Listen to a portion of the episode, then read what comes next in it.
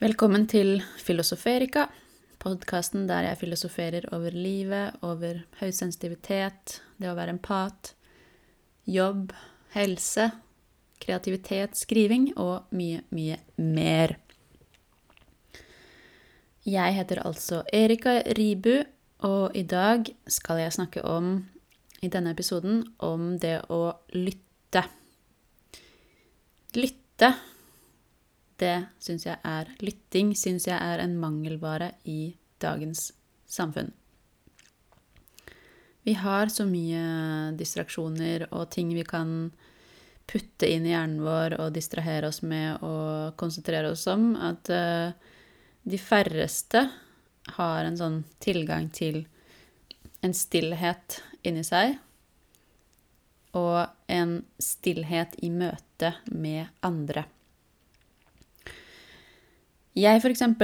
merker veldig fort når jeg snakker med en person, og jeg opplever at den personen har mye tankekjør, det er mye tanker, og den tenker mens vi snakker.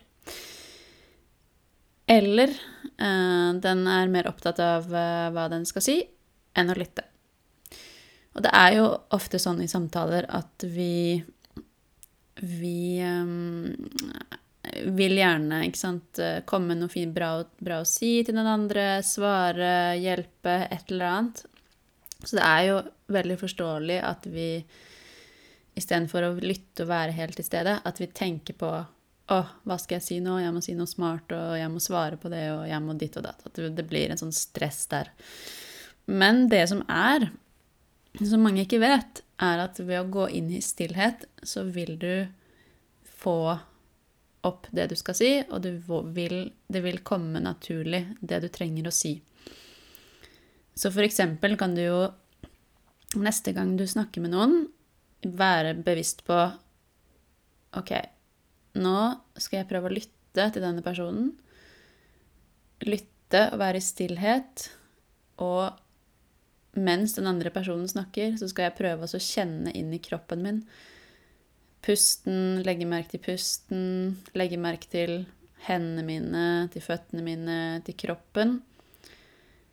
Og for det er veldig, veldig behagelig å snakke med noen som lytter med hele seg, og som er i en sånn stillhet og ro, enn en person som du kjenner at det er helt uh, Ja, bombardert med tanker og inntrykk og stress og hva det enn skal være. Og det er også veldig viktig til eh, hvis du har barn, å faktisk lytte og være til stede, enn å tenke på alt mulig annet eh, samtidig som du kommuniserer med dem. Så det er noe du kan prøve på neste gang du snakker med noen. Å være eh, til stede i kroppen. Og så vil, som sagt, de svarene eller det du trenger å si, det vil komme mer naturlig når du er i den tilstanden, enn når du uh, hele tiden tenker.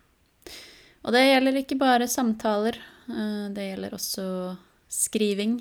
Det var det hun uh, Julia Cameron skrev i 'Artist Way'. Å skrive handler mer om å lytte enn å finne på noe smart å si. Kanskje vi kunne sagt det samme om å snakke handler mer å lytte enn å finne på noe smart å si.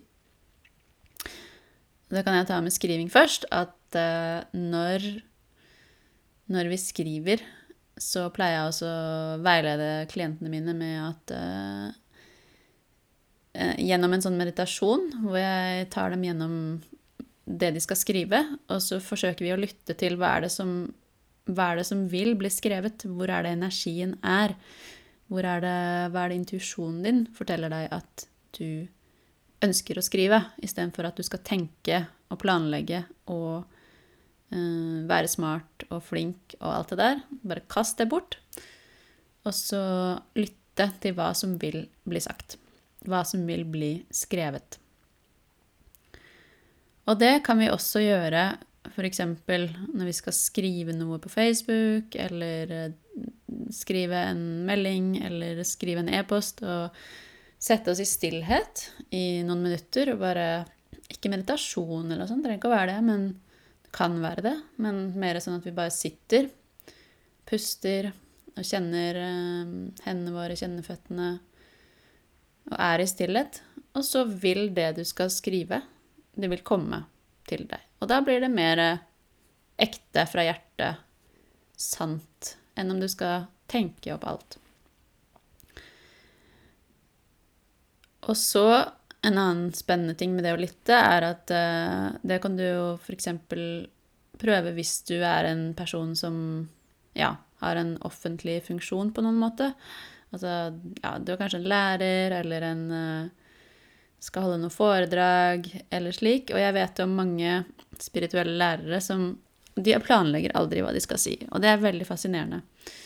De uh, setter seg ned, eller uh, står på scenen, og så lytter de til, til ja, hva som ligger i feltet, hva er det publikum trenger å høre i dag, eller hva er det som, ja, hva er det som kommer opp akkurat nå.